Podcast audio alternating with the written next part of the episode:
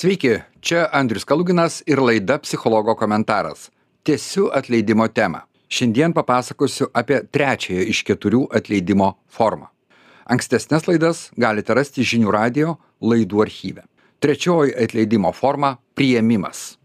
Nesvarbu, ar nutrauksite visus ryšius su skriaudėju dėl keršto, neatleidimo atveju, ar viską pamiršite, bandydami užglaistyti, tai bus lengvas atleidimas, didelė tikimybė, kad abiem atvejais pakenksite savo būsimajam aš. Tam, kad to neatsitiktų, yra prieimimas. Tai drasus atsakas į skriaudą, kai skriaudėjas nepripažįsta savo kalties arba yra nepasiekiamas. Prieimimui reikia tik jūsų pačių veiksmų. Skirtingai nuo lengvo atleidimo ir atsisakymo atleisti, atleisti priėmimas grindžiamas jūsų pačių sprendimu perimti traumos kontrolę, pripažinti savo skausmą ir kurti jums tinkamus santykius su kaltininku. Iš pradžių teks nuoširdžiai atsakyti savo iš šios klausimus. Jei skriaudikas nenori arba negali pripažinti kalties, kokie santykiai jums būtų tinkami? Ar norėtumėte susitaikyti? Jei susitaikytumėt, ką darytumėte su patirtu liūdėsiu ir pykčiu? Ar sugebėsite išlikti ištikimi savo ir vis tiek ramiai, mandagiai, konstruktyviai bendrauti su tuo žmogumi? Ar galite atleisti žmogui, kuris yra miręs ar kitaip nepasiekiamas? Atsakę į šios klausimus savo, judėsime toliau. Toliau, kad priimti žmogų, reikia nuosekliai ir kantriai atlikti šiuos veiksmus. Pirmasis etapas pripažinkite visą savo minčių ir emocijų įvairovę. Antrasis etapas - atsisakote keršto poreikio ir toliau ieškote teisingo sprendimo. Trečiasis etapas - liaujatės puoselėti savo traumą ir grįžtate į įprastą gyvenimą. Ketvirtasis etapas - apsisaugote nuo tolesnės skriaudos. Penktasis etapas - vertinate skriaudiko elgesį jo asmeninių problemų kontekste. Šeštasis etapas - sąžiningai įvertinkite savo indėlį į traumuojančią situaciją. Septintasis - išanalizuokite savo klaidingus įsitikinimus apie tai, kas įvyko. Aštuntasis - atskirkite skriaudėją nuo skriaudos, pasverdami skriaudiko gerasias ir blogasias savybės. Devintas etapas - pamažu nuspręskite, kokie santykiai su skriaudiku jums tiktų. Ir štai dešimtasis etapas - atleiskite savo už padarytas klaidas.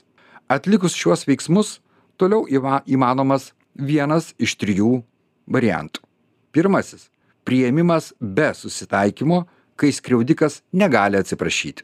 Antrasis - prieimimas be susitaikymo, kai skriaudikas gali, bet neatsiprašo. Ir trečiasis priėmimas su susitaikymu, kai niekas neatsiprašo.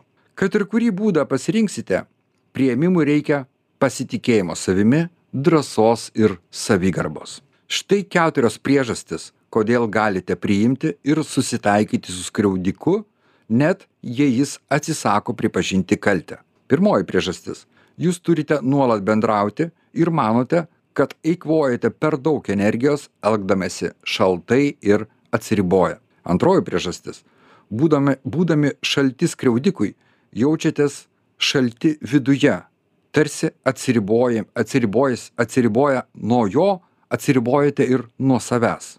Atskirtis blogina jūsų gyvenimo kokybę, todėl geriau bendrauti kaip nors, nei visai tylėti. Trečioji priežastis - jums strategiškai geriau palaikyti santykius.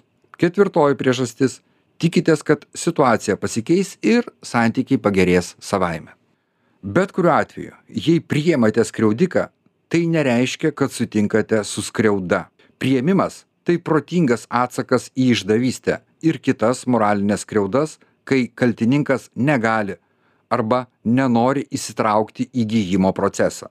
Tai yra rūpinimasis savimi, dosni ir gydanti dovana savo dėl savęs. Priėmimas padeda jums teikti pirmenybę savo sveikatai ir išvalyti mintis nuo emocinių nuodų. Atkurti teisingumą be keršto. Pagerinti savivertę sąžiningai ir nešališkai įvertinti save ir skriaudiką. Atleisti sau už klaidas ir silpnybes dėl kurių patyrėte žalą. Be to priėmimo procesas gali padėti mokytis iš traumos. Juk mus keičia ne pati trauma o tos traumos supratimas.